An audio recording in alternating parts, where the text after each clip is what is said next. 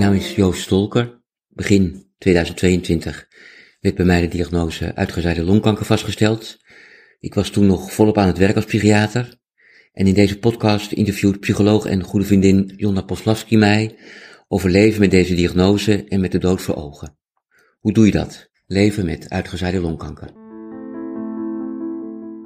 Goedemorgen Joost. Goedemorgen Jonna. Daar zitten we dan voor de eerste aflevering van onze nieuwe podcastshow. Maar in ieder geval Joost en Jonna overleven met uitgezaaide longkanker. En het voelt heel vertrouwd, want we hebben hier natuurlijk heel veel vaker gezeten voor het maken van een podcast. Want we hebben samen een podcastserie gemaakt over psychotrauma. Precies. En die is eigenlijk uh, gestopt op het moment dat uh, we natuurlijk te horen kregen, of dat jij te horen kreeg. Ja, dat ik ernstig ziek ben. 18 februari 2022 was dat. Heel goed, van jou. Ja. ja. Zullen we ons nog voorstellen?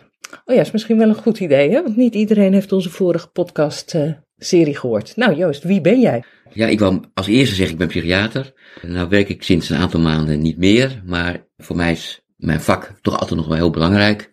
Daar doe ik er niet uh, veel meer in.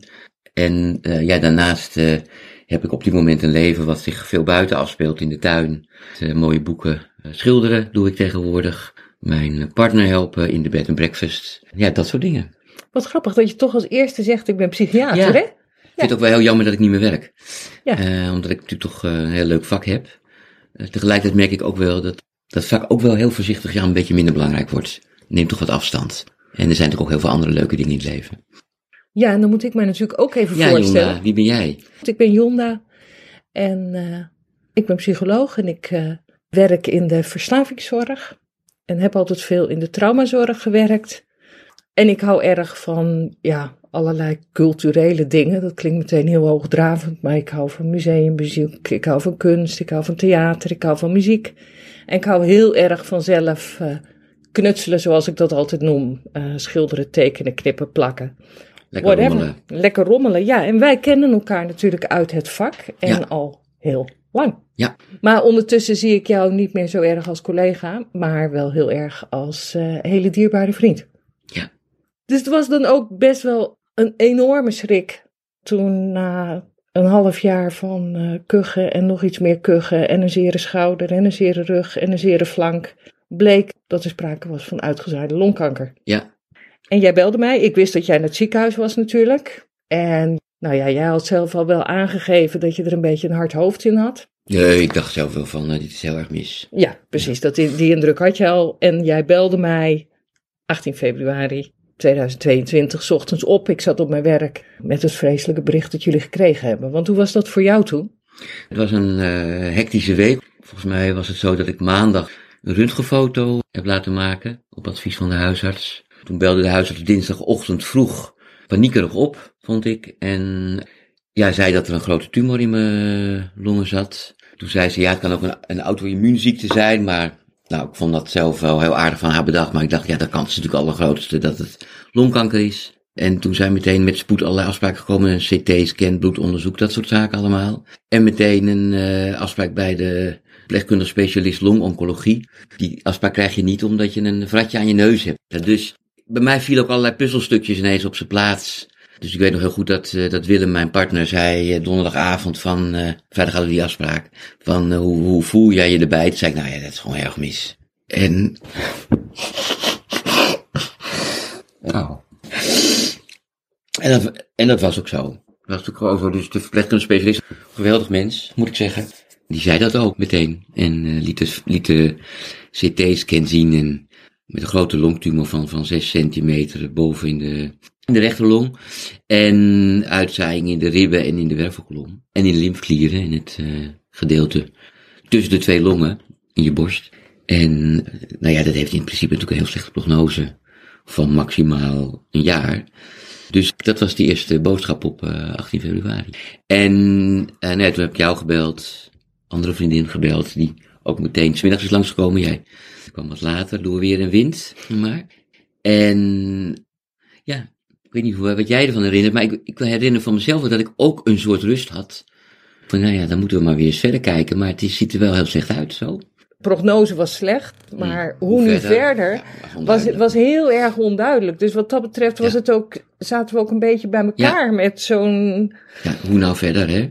Ja. Dat, dat weet ik ook. En ik moest de volgende dag gewoon werken. Ook. Om half negen had jij inderdaad een beeldbel-intake. Ja, ook heel raar voor mezelf in wezen dat je daar gewoon blijft doorwerken. Dat je dan niet zegt, ja, ik zeg dat maar eens even af. Nee, maar dat kwam zelfs niet bij je op, nee, volgens mij. Nee, nee, maar dan kan ik, die- ik vind dat ik die mensen niet teleur kan stellen. Ja. Nou, en hoe, hoe het verder is gegaan is van, is weefsel afgenomen.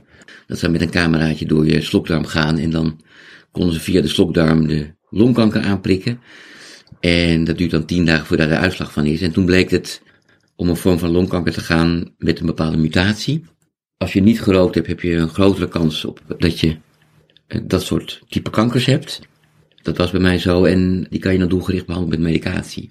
Dus ik startte in maart, ik denk ongeveer vier weken na de diagnose, startte ik met medicatie. Volgens mij is het zo dat de helft van de patiënten die het gebruikt een, een periode hebben waarin inderdaad kanker stabiel is of krimpt. Kleiner dan twee jaar en, en helft van de patiënten langer dan twee jaar. Er zijn ook inderdaad mensen die vijf of zes of zeven jaar het er goed op doen. En inderdaad ook mensen die na een paar maanden alweer eh, groei hebben van die kanker. Ik heb het er negen maanden zo ongeveer prima op gedaan. Met wel wat bijwerkingen, maar eigenlijk eh, heel goed te doen. En afgelopen februari, dus een jaar na de diagnose, kreeg ik het bericht na een CT-scan dat de kanker weer was gegroeid. En enorm was gegroeid. Snel was gegroeid en ook weer aan het uitzaaien was. Nou, en prognostisch hadden ze het over weken.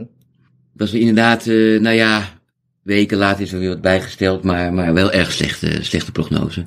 Dat komt omdat die kanker dan ontsnapt aan de medicatie en zich verandert in een ander type kanker. En bij mij had hij een heel kwaadaardige ontsnappingsroute gekozen. Maar toen bleek er toch weer Hoop. hoop, iets mogelijk. Ja, het is geen standaardbehandeling voor dit type kanker dat ik dan nu heb. Maar wel, er loopt een eh, experimenteel onderzoek naar chemotherapie met immuuntherapie. En ik kon aan dat onderzoek meedoen in het Antonie van Leeuwenhoek eh, ziekenhuis. En eh, dat doe ik nu op dit moment. Ja, en hoe gaat dat? Goed. Ja, Ik heb er van tevoren even over nagedacht of ik daar wel mee zou doen, want chemotherapie heeft ook best wel veel bijwerkingen. Immuuntherapie kan het ook hebben. Maar dat is heel erg per persoon afhankelijk. Sommige mensen hebben er weinig last van, anderen meer of veel. Dus met de longarts afgesproken om, eh, om gewoon te starten en te kijken wat het doet. Mhm. Ik ben er wel moe van, van een behandeling, keer in de drie weken. Dat duurt dan een paar dagen, die behandeling. Maar die knap eigenlijk ook weer heel goed op. Ik ben er wat misselijk van, maar ook niet zo heel erg. Dus eigenlijk is het reuze meegevallen. En na twee kuren, dus na zes weken heb ik weer een CT-scan gekregen. En het blijkt dat die kanker heel erg is gekrompen. Eh, en soms op sommige plekken ook niet meer te zien. Dus dat is natuurlijk heel goed nieuws dan. Supergoed nieuws, maar per saldo is het wel in nog geen anderhalf jaar tijd. Krijg je te horen dat je binnenkort doodgaat.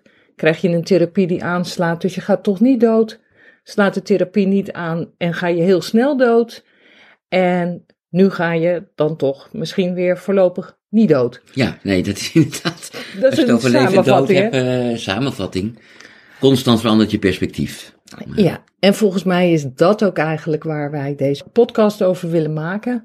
Over, goh, hoe is dat nou met leven met de dood in je leven? Ja, mijn prognose is van, in mijn hoofd in ieder geval van, ja, bij wijze van van een half jaar, tot, tot dat het toch ook nog weer langer duurt. En ja, dat is wel heel, vind ik eigenlijk heel lastig. Je luisterde naar de podcast Leven met uitgezaaide longkanker door Joost Tolker en Jonna Poslavski.